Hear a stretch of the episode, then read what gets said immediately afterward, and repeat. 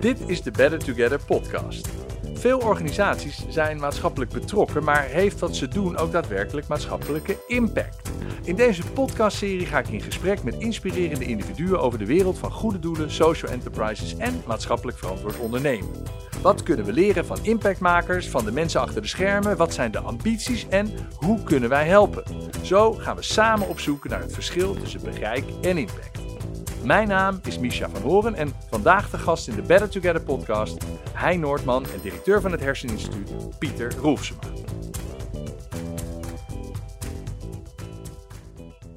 Welkom heren.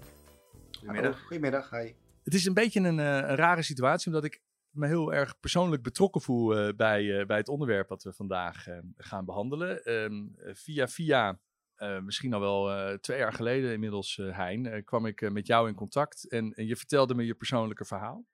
En dat raakte me dusdanig dat wij ook vanuit Better Together toen samen met jou hebben gekeken van hoe we, nou ja, dat wat jouw ambities waren in die tijd, hoe we, dat, hoe we jou daarbij konden helpen. En op die manier introduceerde je ons in het leven van, van het onderzoek dat, dat Pieter op dit, doet, dit moment doet bij, bij het Herseninstituut. En nou ja, de rest, uh, daar komen we nog over te spreken vandaag. Maar ja, het, het, het, verhaal en het onderwerp is, is dusdanig dat ik het belangrijk vond om ja, te kijken of we de Better Together podcast uh, als podium kunnen gebruiken om ook jullie beider verhaal nou, voor een nog weer breder publiek kenbaar te maken, zodat meer mensen ervan weten. Want aan het einde van de podcast gaan we erachter komen dat hoe meer mensen het weten, hoe meer mensen misschien kunnen helpen, hoe sneller we misschien resultaat kunnen behalen. En dat is zeer wezenlijk. Want Hein, uh, ja, het is vervelend om, uh, om te zeggen, maar je bent niet uh, helemaal gezond. Dat klopt, dat klopt. We, ik heb vijf jaar geleden, ruim vijf jaar geleden, een, een heel zwaar ongeluk gehad. Waarbij ik van ongeveer 15 meter af naar beneden gevallen ben. Ehm, nou, alles gebroken wat je maar kon, kon breken en, en ook mijn oogkassen daarbij verbrijzeld. En daar zijn mijn oogzenuwen bij kapot gegaan. En dat is iets waar artsen niks mee kunnen. En dan gaat letterlijk het licht uit. Dus uh, van iemand die normaal kon zien, uh, alles in de wereld kon, kon aanschouwen, is het letterlijk elke dag helemaal zwart voor mij. En dat is voor jou dus de dagelijkse realiteit. En voor heel veel mensen in de wereld is dat misschien wel hun grootste angst. Hè? Dat is een beetje, ja, ben je liever doof of ben je blind? En dan ja. denk dat jij kunt beamen dat het geen pretje is om in een zwart gat te leven. Het is, het, het is onvoorstelbaar inderdaad dat je, dat je een avond gewoon uh, een, een sport, een hobby gaat doen en op een gegeven moment wakker wordt na, na vijf weken coma, waar ik toen in gelegen heb, uh, en ineens ja, helemaal niks meer zien. Dat is onvoorstelbaar onwerkelijk. Uh, en, en letterlijk zit je dan in zo'n andere wedstrijd. Dingen die normaal heel makkelijk te doen zijn, even, even een kleinigheidje doen, al is het even het gras maaien of even iets pakken, uh, wordt ingewikkeld. En dat uitzicht in heel veel, ja, ik noem dat dat maar, in heel veel haarvaten, hele kleine haarvaten waar je dagelijks mee te maken hebt. Ja, en niet alleen jij, maar ja. ook uh, de mensen in je omgeving. Je, je, hebt, je hebt een gezin. Voor hun zal het ook uh, wennen zijn. Je beweegt je hier uh, in die zin. je, je bent vandaag ook naar de studio gekomen, dus je kunt je wel bewegen, maar het is wel iets ingewikkelder. Nou, het is heel veel ingewikkelder. Je, je, je moet met heel veel dingen altijd even op weg geholpen worden. Of je moet hier naartoe gebracht worden. Je hebt voor heel veel zaken iemand nodig. In dit geval die me komt brengen en die me ook weer komt, komt ophalen of weer blijft wachten op me. Ehm, en dus je moet van tevoren ook altijd regelen, hoe kom ik er, hoe kom ik weer terug, hoe regel ik dat? Ja, dat zijn heel veel dingen waar je dat in, in tegenkomt. Ja, en dat, dat zijn dan de praktische dingen. Wat, wat voor ziende mensen natuurlijk bijna niet eens is voor te stellen hoe onpraktisch het is om, om, om blind te zijn. Volgens mij heb je zelf wel eens de anekdote gebruikt van, joh, probeer eens als een soort challenge de hele dag met een blinddoek op je hoofd, uh, zeg maar, uh, je, je door het leven te mm bewegen. Dat is best wel een uitdaging. Maar er komt natuurlijk ook emotioneel best wel veel bij kijken. Want je bent een ondernemend mm -hmm. mens in ieder geval, je was ondernemer, je bent misschien ja. ondernemend, je bent, je bent ondernemend. Wat ben je nu aan het doen? Ja, weet je, ik, ik was altijd iemand die, die er veel op uitging, uh, op de wereld in dingen uh, doen, uh, in de auto springen, even hier, even daar en toe. En letterlijk nu is mijn, mijn, mijn, oriëntatie nu natuurlijk van stoeprand naar stoeprand met een, met een tasstok je weg vinden. dus daarin word je natuurlijk ineens heel erg teruggesnoerd in, in wat je deed. Ik had een, een marketingbureau toen ik mijn ongeluk kreeg. Nou, dat hebben we moeten, moeten stoppen ben na mijn ongeluk eigenlijk in het lezingencircuit gerold. Dus ik geef met enige regelmaat uh, lezingen en ik doe wat organisatieadviezen. Um, ik help het Herseninstituut uh, met het uh, werven van fondsen, die nou heel hard nodig zijn om het, maar daar komen we denk ik dadelijk verder op, om de ontwikkeling verder mogelijk te maken. En ik ben politiek wat actief geworden. Ja, Ja, want je hebt natuurlijk nog steeds de, kracht van, van de taal heb je nog steeds. Dus je, kunt, je bent een hartstikke goede spreker. Dus het is fijn dat je daar nog gebruik van kunt maken. Dat, dat, dat je stembanden in die zin niet zijn, zijn aangetast. En wat ik ook weet van je, is dat, dat je zelfs recent nog een sportauto hebt gekocht ook. Dus, dus in die zin, dat is misschien toch wel bijzonder om even te benoemen. Want ik, ik, het staat ook in de krant, letterlijk. Dat is toch wel een soort, bijna een soort uh, ja, gek bericht. Dat een man die blind is, uh, toch nog een sportauto koopt. Dat is natuurlijk ook gek. Uh, ik, ik, ik ben altijd een autoliefhebber geweest. En ik merk natuurlijk ook, naarmate je meer en meer een beetje kon bewegen, dat er heel veel dingen in het leven zijn die er nu niet meer zijn voor me. Die niet meer kunnen of heel erg moeilijk kunnen. Maar dat het genieten van, van, van, van mooie auto's en, en in de beweging en in het geluid en in de vormen. Dat ik dat nog steeds heel erg leuk vind toen had ik met alles wat er niet meer is, wat niet meer kan, ja, dit uh, gun ik mijzelf om hier uh, van te kunnen blijven genieten. Dus dat was, de, de, de, de dealer had ook nog nooit meegemaakt om aan een blinde auto te verkopen. Nee, nee, het is ook bizar. Als je het googelt, dat raad ik mensen zeer aan. Het staat echt in alle kranten. het was wat dat betreft echt, echt nieuws. En nou, daar kan ik me wel iets bij voorstellen. tegelijkertijd is het natuurlijk ergens ook wel vervelend, omdat je hebt natuurlijk liever een, een normaal leven. Wat je zegt, je bent door een ongeluk blind geworden. Ehm, je hebt het ook nog niet helemaal, voor mijn gevoel tenminste, je hebt het nog niet helemaal geaccepteerd. Als in van, je zou wensen dat het anders was. En je bent een beetje aan het vechten om, om nog um, uh, ja, eh, een soort ander perspectief te krijgen voor de toekomst dan dat je hebt als je puur en alleen van de huidige medische wetenschap uh, uitgaat. Hoe ben je toen op het, op het verhaal van, uh, van, uh, van Pieter gekomen? Ja, weet je, het accepteren is denk ik ook niet iets wat, wat zo, zo werkt het gewoon niet. van heb je het dan een plekje gegeven? Ja, dan heb ik ze het daar manier dan. Nee, ik, ik, ik hoorde in, in, in het Erasmus ziekenhuis toen ik daar nog kwam van mijn neurochirurg, die, die vertelde van het onderzoek van, van Pieter. Uh, en dat dat wel heel bijzonder was, dat het eigenlijk nergens ter wereld gaande was. En nou, hij zou me op de hoogte houden van als daar uh, serieuze stappen genomen werden. En uh, toen eigenlijk, nou nu denk ik een ruim een jaar geleden, nam hij contact met mij, wat, uh, met mij op. Van, joh ik heb toen verteld over het, dat onderzoek van professor Roelsema. Zou, jij niet misschien met jouw contacten kunnen helpen om fondsen te werven voor, voor dat onderzoek?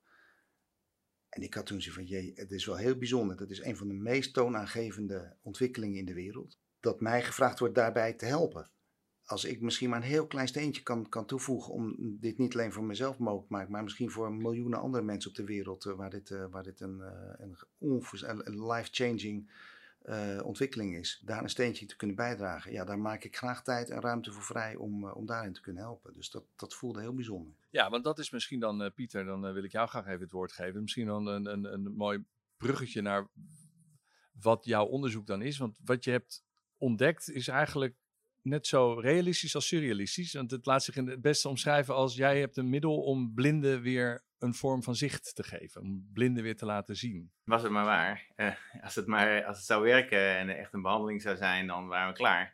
En dan hoefden we ook geen fondsenwerving meer te doen. Maar het is een ontwikkeling en dat, dat duurt ongetwijfeld nog vijf tot tien jaar voordat we echt op een punt zijn aangeland waarbij we een, echt een therapie hebben die we aan blinde mensen kunnen aanbieden. Maar we zijn wel de eerste stappen aan het zetten. En uh, we, we, baseren ons natuurlijk op ouder onderzoek. Er was al iemand in 19, nou in de jaren 60 van de vorige eeuw die dit, dit al wilde. En het idee is dat als de ogen niet meer werken, dat je die kan overslaan en de beelden rechtstreeks gaat inpluggen in de hersenen. Uh, nou, in de jaren 60 van de vorige eeuw was de technologie natuurlijk nog niet zo voortgeschreden als die nu is. En in mijn eigen onderzoek merkten we dat we steeds meer elektroden, eigenlijk zijn het gewoon draadjes, aanbrachten in de hersenen. En uh, als je nou stimuleert op een bepaalde plek in de hersenen waar normaal gesproken bij gezonde mensen de visuele prikkels binnenkomen, dat is de visuele hersenschors, daar is een soort kaart van de hele buitenwereld. Als je daar nou een, eh, een draadje in hebt en die, daar zit je heel klein beetje stroom op, dan ga je kunstmatig die hersencellen activeren die normaal gesproken hun informatie krijgen uit de ogen, maar die komt dan niet meer aan bij blinde mensen. En dan ziet iemand, en dat kan ook iemand zijn die al meer dan 15 jaar blind is, een stipje op een bepaalde plek in de buitenwereld. En dat stipje is nou precies op de plek in de kaart waar je aan het stimuleren bent. Dus ga je een millimetertje verderop, dan schuift dat stipje op. En als je nou duizend van dat soort draadjes hebt, kun je dus duizend verschillende stipjes maken. En daarmee werken we als een soort matrixbord. Dus als je op een matrixbord, ja, dat ken je wel van de snelweg of van het stadium. Als je daar één lampje aanzet, zie je een stip. Maar als je daar een patroon van lampjes aanzet, dan kun je een letter of, of andere informatie laten zien. En dat is eigenlijk het, eh, het idee wat wij nou verder willen ontwikkelen. We hebben niet zo lang geleden aangetoond dat we duizend van dat soort draadjes kunnen aanbrengen. Dat hebben we bij proefdieren getest. We willen dat veilig maken, veilig genoeg om ook bij, bij patiënten te kunnen testen. Ehm, en daar zitten ook nog wel een paar uitdagingen in, want de draadjes die we nu gebruiken, die werken ongeveer een jaar. En dat wil je eigenlijk niet iemand aandoen die blind is. Dan ziet iemand één jaar lang weer een, nou het zal nog steeds niet zo goed zijn uh, als het normale beeld dat, dat, dat uh, mensen die normaal zien binnenkrijgen, maar toch beter dan niks. En dan na een jaar gaat het licht weer uit. Dus dat willen we voorkomen. Dus dat is een van de dingen waar we heel hard aan werken. Om ervoor te zorgen dat als je het nu doet, dat het over een jaar werkt, maar ook nog over vijf en liefst ook nog tien jaar. Maar even voor mijn begrip, want, want uh, ik weet niet of het voor iedereen nu even heel duidelijk is, maar, maar hoe, hoe werkt het dan praktisch? Heb je dan een soort helm op of heb je het echt geïmplanteerd? Geïmplanteerd, ja, ja. ja. dus dat is, en daarom moeten we ook echt uh, zeker weten dat het veilig is. Dat betekent dat we uh, in, een, in een operatie, ja we, de neurochirurg, want ik ben zelf geen neurochirurg, uh, die, die, komt, die komt eraan en die maakt de schedel echt open. Die laat, die, zeg maar, die, zodat je de hersenen kan zien die steekt daar draadjes in. Het liefst is het wireless.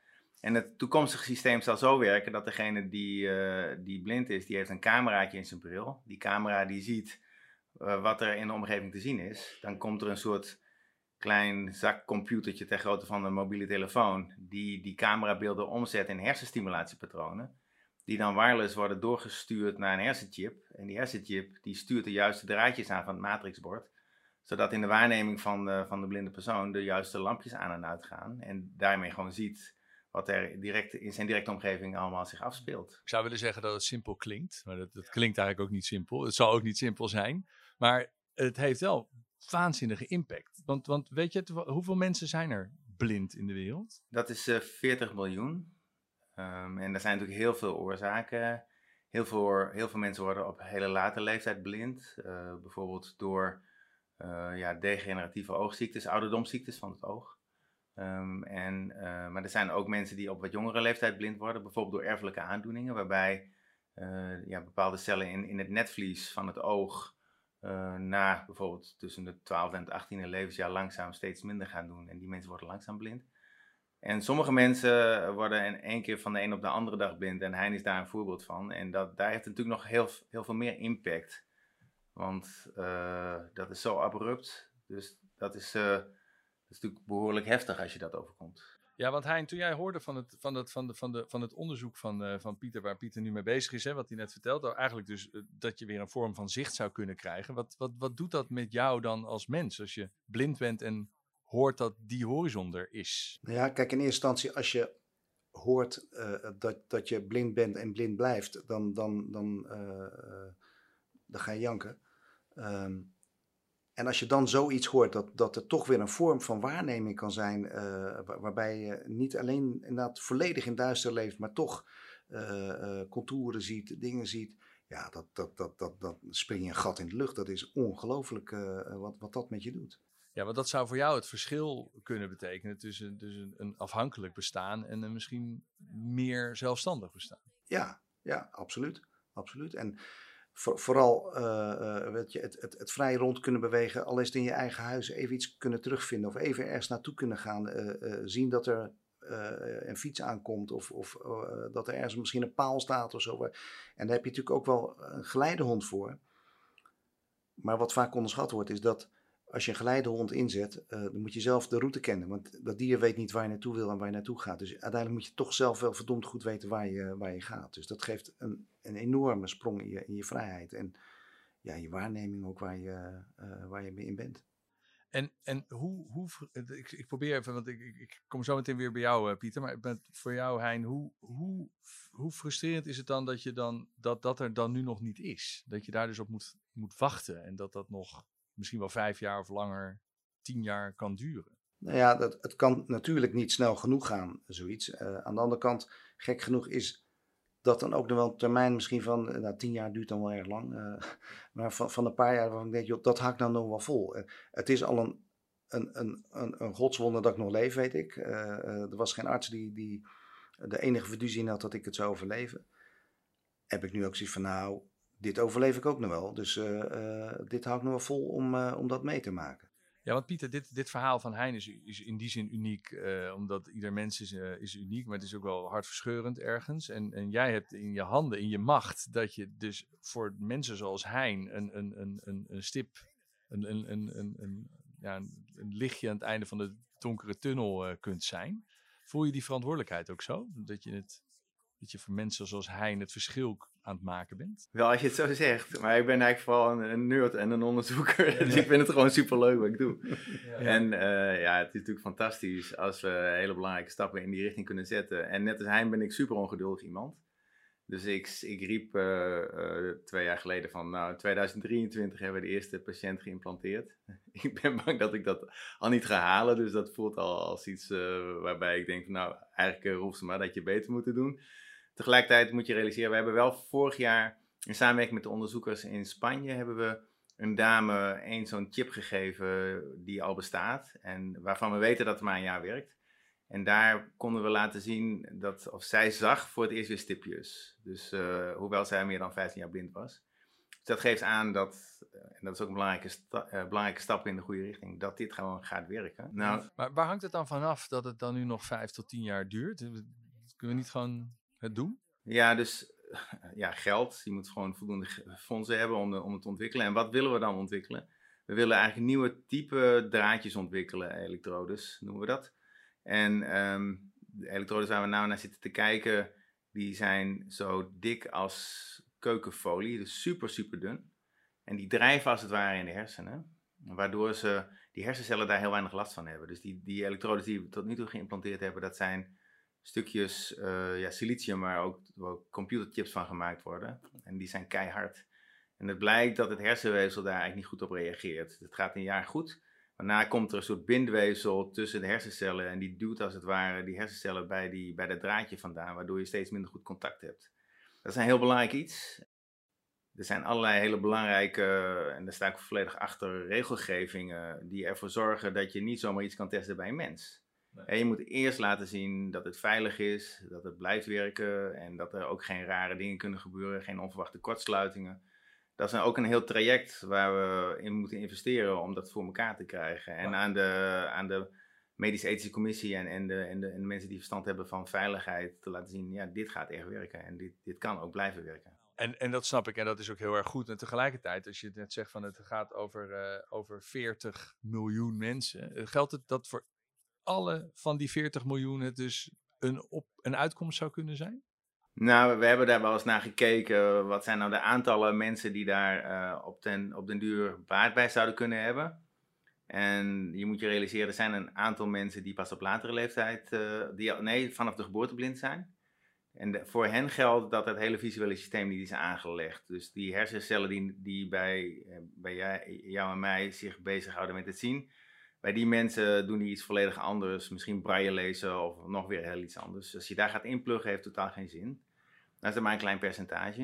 Er zijn heel veel mensen die wonen in, in landen in de wereld waarbij het gezondheidszorgsysteem niet dusdanig is dat je zegt van nou dat gaan we doen in grote, in grote getalen. Dus daar moet je ook rekening mee houden. Er zijn natuurlijk uh, ook mensen uh, die misschien geholpen kunnen worden op een andere manier. Noem maar wat, een staaroperatie. Er is een, er is een percentage mensen die blind zijn in de wereld, waarbij je dat in het oog kan oplossen. Op, uh, nou, als ik, een, als ik kan kiezen tussen een oogoperatie en een hersenoperatie, dan kies ik voor de oogoperatie. en als je het allemaal, allemaal, zeg maar, al die dingen afpelt, dan hou je nog steeds een heel groot aantal mensen, misschien wel 5 miljoen of zo, of, of, of nog wel meer, die op den duur misschien hierin voor een aanmerking zouden kunnen komen als dit werkt. En we moeten natuurlijk eerst laten zien ja, dat. Maar is het niet zo dat, dat we dan in de wereld, met, met, met al het geld dat er is in de wereld, met alle uh, miljardairs die er zijn in de wereld, dat we dan dus dat, dat, dat geld niet een uitdaging zou moeten zijn? Dat er gewoon vanuit overheidswegen of een groot bedrijf, dat die jou gewoon moeten funden om dit werk te gaan doen? Gewoon juist omdat het zo fundamenteel is? Ja, ik, ik, ben er helemaal voor. We hebben hem nog niet gevonden. Of maar, haar... maar het is niet zo dat een overheid dit gewoon belangrijk vindt. Of dat ze vanuit de United Nations zeggen, joh, dit onderzoek of dit, het feit dat we blinden weer een vorm van zicht kunnen geven, dat daar kiezen we voor hier Want hoeveel geld heb je nodig? Nou, we hebben wel eens berekend om echt uh, het veilig te krijgen bij de, en bij de eerste patiënt te kunnen implanteren iets van 6 miljoen. Wat veel geld is, maar dat is uh, relatief gezien natuurlijk een schijntje bij wat, wat we gemiddeld genomen op de begroting hebben staan hier. Uh. Dat klopt, ja, ja. Maar dat is een uitdaging en Hein en ik trekken daar gezamenlijk al een, al een tijdje aan. En daarvoor zijn we ook de actie gestart, Bring Insight. Ja, ja, want Hein, dat is, eh, dat is eigenlijk, ik heb het al een beetje eh, benoemd eerder al in deze, in deze podcast. Dat is nu gewoon min of meer je levensmissie geworden om geld in te zamelen, zodat je zelf weer een vorm van zicht kunt krijgen. Ja, kijk, weet je, ik kan, ik kan natuurlijk me uh, heel erg druk maken om, om bepaalde werkzaamheden te doen, betaald werk te doen. En, en dat doe ik ook natuurlijk. Maar als ik weer een vorm van zicht kan krijgen, is dat natuurlijk zoveel uh, bepalender in mijn levensgeluk dan, dan uh, een beetje meer geld.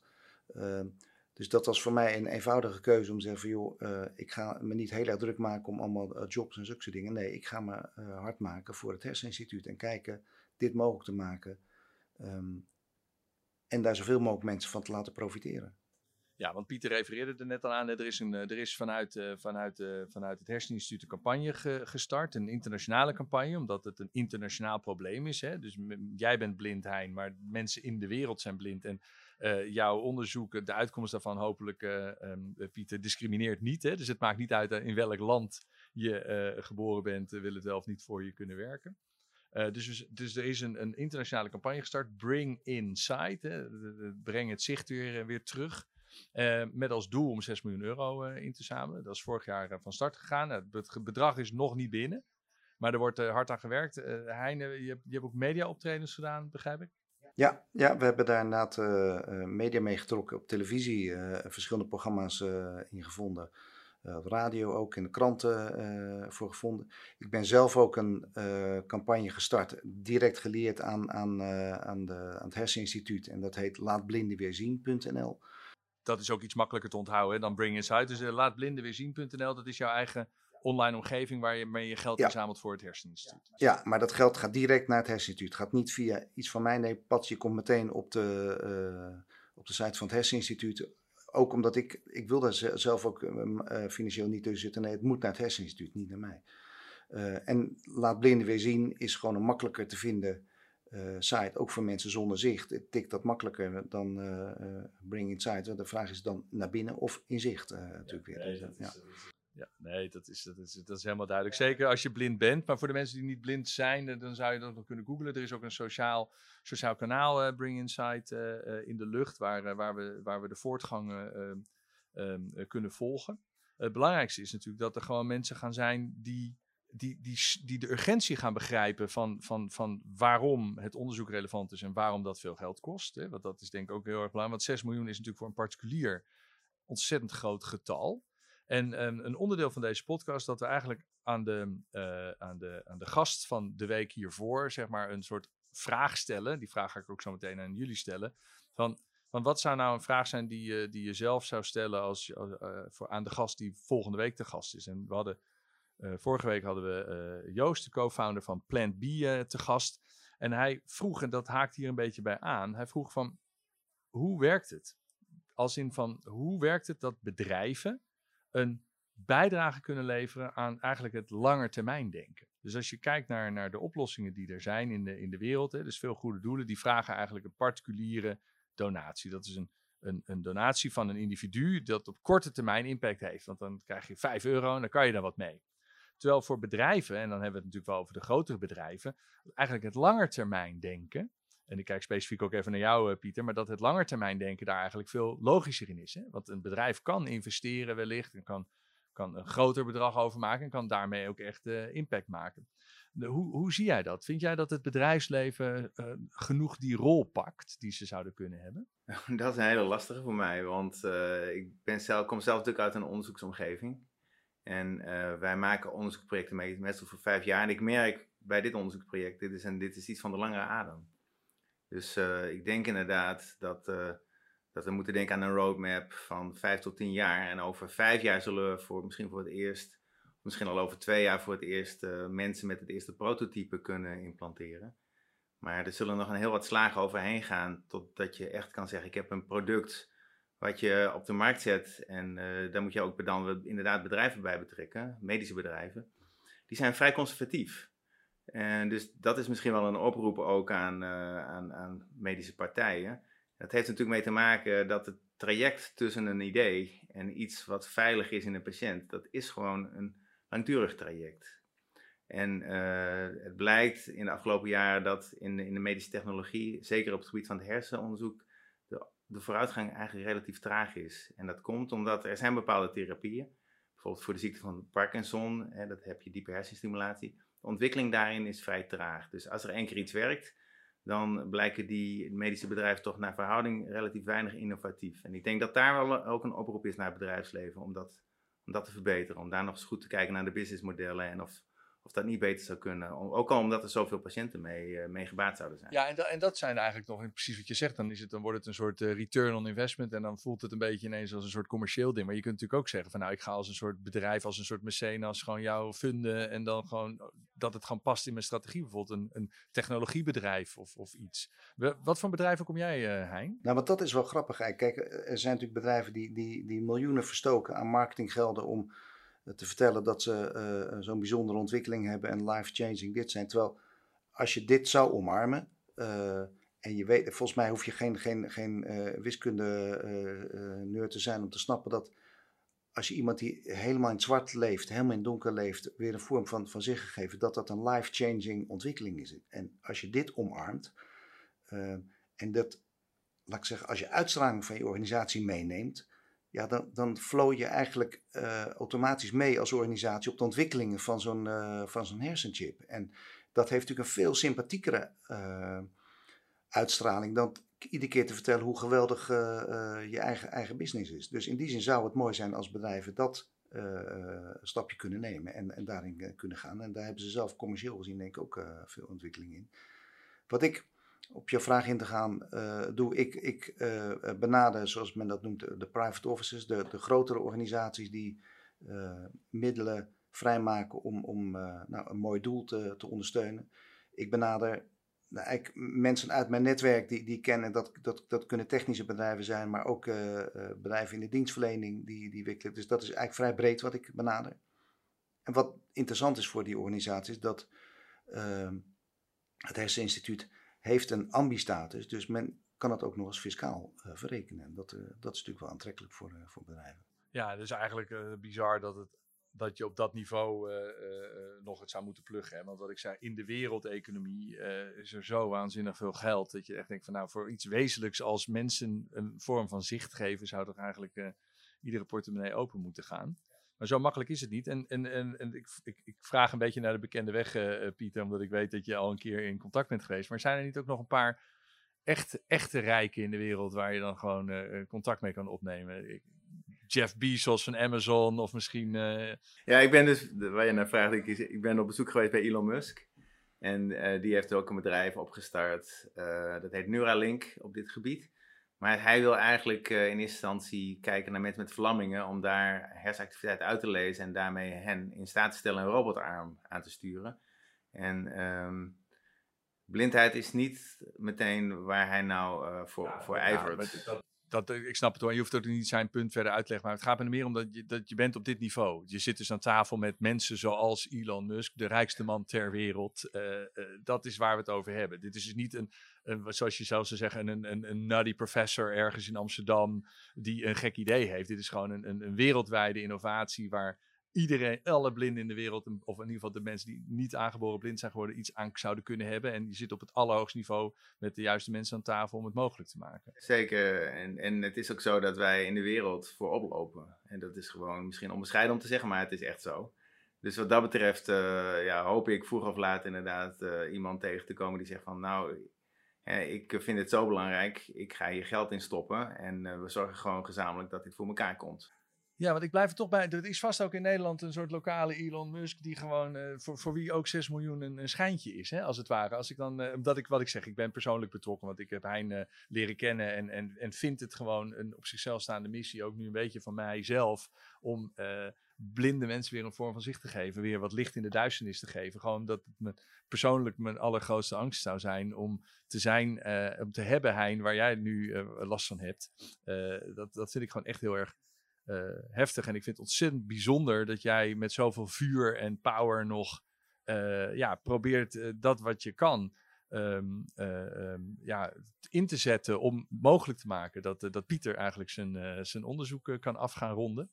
Uh, dat doe je op heel veel verschillende manieren. En ik, ik begrijp ook, Hein, denk dat dat ook nog wel ruimte is om daar eventjes kort bij stil te staan. Dat je zelfs nu uh, een onderwerp ja. in een documentaire die over jou uh, gemaakt gaat worden. Ik denk dat het ook goed is dat mensen ook een beeld krijgen bij wie jij dan eigenlijk bent. Wat, wat is dat precies voor een, voor een documentaire? Nou, dat is van twee, twee afstuderende journalisten.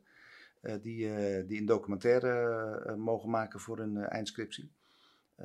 En een van hen die had van mijn verhaal gehoord, die ken ik nog van, van vroeger, en die had van mijn verhaal gehoord, jeetje, dat is mooi als we daar een, een interessant verhaal op, op weten te maken. Ehm, het idee eigenlijk er is dat hij gehoord had dat, dat ik nam, ik, ik, ik, ik klom veel vroeger, in, hier in de Alpen, maar ook daarbuiten. Ehm, en na mijn ongeluk kwam ik in contact met iemand die wilde, ook een blinde, die wilde graag een keer een berg beklimmen. Nou, dat is natuurlijk niet logisch dat een blinde een berg gaat beklimmen. En toen hadden we het idee van, joh, dat is al niet logisch. Laten we dan misschien ook kiezen voor een locatie die niet direct voor de hand ligt. In een cultuur die misschien voor Nederland niet voor de hand ligt. Om de hoogste berg van Iran te gaan beklimmen. Uh, dus daar zijn voor aan het trainen uh, om, dat, om, om dat te doen. ja, dat is natuurlijk gewoon, we hadden toen zoveel, zonder zicht geen grenzen. dus, dus zijn voor aan het trainen en... en dus ze zijn, wij waren laatst van de winter in de, in de Alpen. Toen zijn ze komen filmen ook, komen kijken hoe we daar aan te, aan te oefenen en bezig waren. Om te kijken van ja, wat je naar boven klauteren gaat nog wel, maar naar beneden is zonder zicht toch wel even nog een dingetje. En even voor de duidelijkheid, dat is, dat is gewoon een informerende, inspirerende documentaire. Dat is niet verder een fondsenwervend aspect. Nee, het is geen fondsenwervende uh, docu, meer een